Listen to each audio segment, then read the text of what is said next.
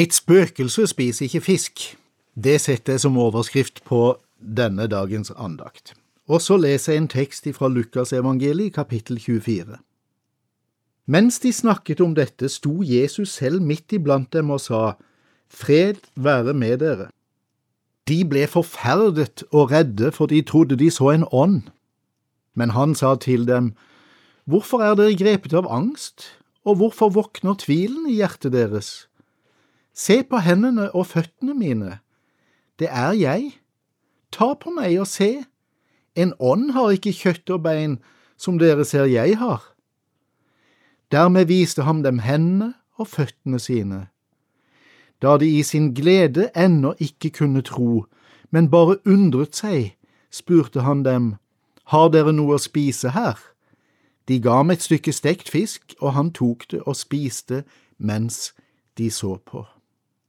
En ånd har ikke kjøtt og bein, som dere ser jeg har, sa Jesus til disiplene.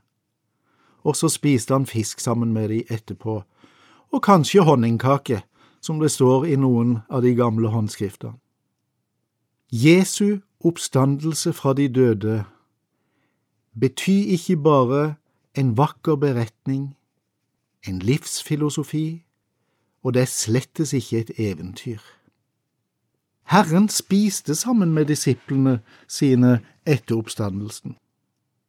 Jesu oppstandelse er virkelig, fysisk, legemlig og ordentlig. Han lever ikke videre bare i våre tanker eller som en svevende ånd. Da hadde kristentroen bare inngått som en del av de mange religioner. Den hadde ikke skilt seg ut fra andre, vakre og mindre vakre påfunn. Da hadde hele vårt trosgrunnlag, evangeliets framgang i verden og våre kirker og bedehus bare vært bygd på ei løgn. Ja, da hadde vi virkelig hatt sjansen og retten til å si til hverandre troen, det er en privatsak. Troens innhold er opp til den enkelte å avgjøre. Og vi som fortsatt tror på Jesu død og oppstandelse, vi hadde vært de ynkeligste av alle mennesker. Ifølge Paulus, han skriver det i første Korintiabrev kapittel 15. Stakkarslige hadde vi vært, og løgnaktige, kanskje relevante på et vis på grunn av våre gode verdier, engasjement og iver, men likevel et liv bygd på en løgn. Jeg glemmer ikke et vitensbyrd jeg hørte på et bedehus en gang for mange år siden. Den voksne lederen som vitna for tenåringene, sa i klar tekst at om det nå ikke var sant at Jesus virkelig og kroppslig hadde stått opp, at det bare var en viktig, men likevel konstruert fortelling, så hadde hun allikevel vært en kristen. For fortellinga var jo så flott. Troen på Jesus bar jo så mye fint med seg, av både verdier og opplevelser. Jeg var sjøl ung og en ganske fersk kristen når jeg hørte dette, og jeg følte at bakken skalv under meg. Selv om jeg kan si ja og amen både til verdiene og opplevelsene, så blir dette å bygge livet sitt på en spøkelseshistorie, eller ja, en løgn. Men Bibelen er tydelig på at Jesu oppstandelse fra de døde er reell. Jesus lever. Å leve i troen på Han, i etterfølgelse av Han, er på ordentlig. Påskas budskap er sant og gir oss visshet om at vi alle skal møte Han, se Han, og på den siste dag bøye våre knær for Han, enten vi ville det eller ikke, nå, de dagene vi nå lever. Men hør nå hva Paulus skriver.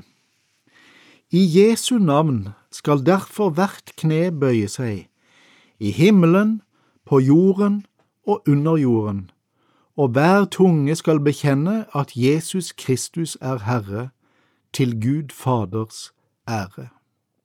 Det står i Filipperbrevet kapittel to. Derfor er vårt budskap ennå som det har vært i 2000 år. Jesus lever. Jesus er Herre. La oss bøye oss for Han allerede nå, i dag. Og det er nettopp knestående, altså når vi bøyer oss, at vi har både den beste utsikt og den beste innsikt i Guds rike. La oss vende oss til Han og tro Hans navn, så skal vi leve. Vent ikke til din siste dag med dine første knebøy.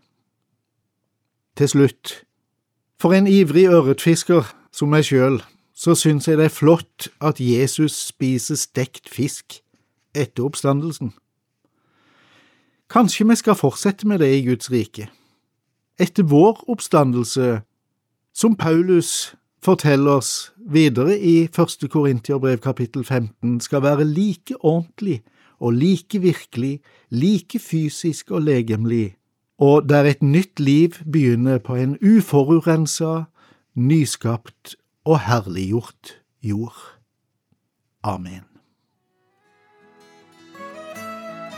Overåpen bibel var ved Inge Flåt. Serien produseres av Norea, og hver fredag formiddag tilbyr vi forbønn. Du kan ringe oss på telefon 38 14 50 20, 38 14 50 20, fra klokka 9 til klokka 11 på fredag. Eller du kan sende oss en melding når som helst på døgnet hele uka til postadressen post alfakrøll norea.no.